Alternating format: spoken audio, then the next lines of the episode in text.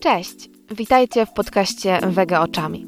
W ostatnim odcinku poruszyłam temat fast fashion i wpływu szybkiej mody na środowisko. Dzisiaj natomiast chciałabym spojrzeć na nią z nieco innej strony. Zwrócę uwagę na bezpośrednich wykonawców naszych ubrań, czyli na pracowników fabryk. Globalny przemysł szybkiej mody jest często przywoływany ze względu na wyzysk pracowników oraz złe warunki w fabrykach. Wielu z nich pracuje za niewielkie wynagrodzenie i ma niewielkie prawa. Głównie dlatego producenci odzieży w Europie i USA mogą utrzymywać koszty na niskim poziomie. Aby zaspokoić popyt detalistów szybkiej mody, kraje dostawców, takie jak Bangladesz, Kambodża, produkują elementy odzieży w krótkim czasie, wykorzystując siłę roboczą w taniej cenie. W większości przypadków kraje te nie są w stanie odpowiednio utrzymać pracowników i bezpieczeństwa w fabrykach, ponieważ mają pilną potrzebę dostarczania produktów w niskich cenach. Ta cena nie jest wystarczająca dla trwałej sytuacji biznesowej i nie zapewnia lepszego życia pracownikom. W dniu 24 listopada 2012 roku w fabryce odzieży Tazren Fashions w Bangladeszu wybuchł pożar. Wyjścia na zewnątrz zostały zamknięte na klucz, co spowodowało, że pracownicy zostali uwięzieni wewnątrz budynku. Ponad 100 pracowników zostało rannych przez skoki z okien trzeciego i czwartego piętra, doznając poważnych urazów pleców i głowy.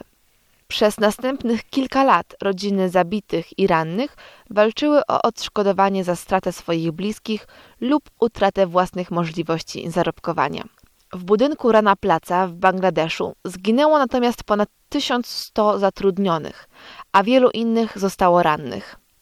Katastrofa ta jest jednym z najbardziej szokujących ostatnio przykładów nadużycia praw człowieka w sektorze komercyjnym, a zdjęcia zabitych pracowników w ruinach zawalonej fabryki stały się przejmującym symbolem pogoni za zyskiem, kosztem życia i zdrowia ludzi. Jednym z najbardziej szokujących faktów, które wyszły na jaw po katastrofie, jest to, że pracownicy nie chcieli wejść do budynku ze względów bezpieczeństwa. Poprzedniego dnia na ścianach widać było pęknięcia i budynek został zamknięty. Pomimo to kierownicy kazali pracownikom wejść do budynku. Te dwa incydenty oraz szereg innych katastrof w fabrykach odzieżowych w całej Azji Południowej ujawniło śmiertelny koszt fast fashion. Płace pracowników stanowią tylko ułamek tego, co konsumenci płacą za ubrania. Pensja pracownika w fabryce odzieżowej zaczyna się zaledwie od 25 funtów miesięcznie, a szwacze zarabiają zaledwie 32 funty miesięcznie, znacznie poniżej pensji wystarczającej na utrzymanie. Kolejnym problemem są kontrakty. Pracownicy nie otrzymują regularnej umowy o pracę, ale serię umów krótkoterminowych lub nawet nie. Przymusowe nadprogramowe godziny są wobec tego bardzo częste. 80% pracowników pracuje do godziny 20 lub 22 po rozpoczęciu pracy o godzinie 8. 80% z szacowanych od 40 do 60 milionów pracowników przemysłu odzieżowego to kobiety. I nie jest to przypadek. W branży słynącej z mniej niż przyzwoitych warunków pracy, niskich płac, wymuszonych nadgodzin i niebezpiecznych warunków, kobiety często są pozbawione urlopu macierzyńskiego, opieki nad dziećmi i bezpiecznych podróży do pracy.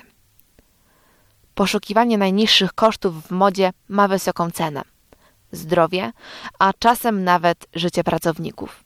Tysiące osób zginęło w pożarach fabryk i upadkach czają się też inne niebezpieczeństwa, jak użycie niebezpiecznych chemikaliów czy piaskowanie.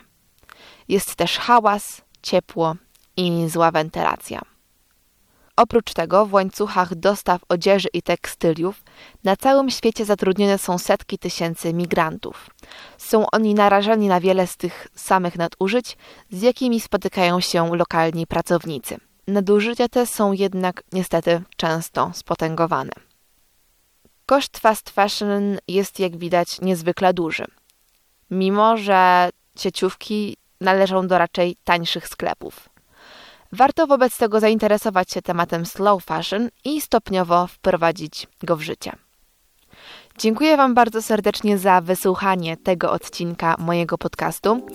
W przyszłym przyjrzymy się właśnie slow fashion i temu, jak stopniowo wprowadzać ją w życie. Dziękuję Wam bardzo i do usłyszenia w następnym odcinku.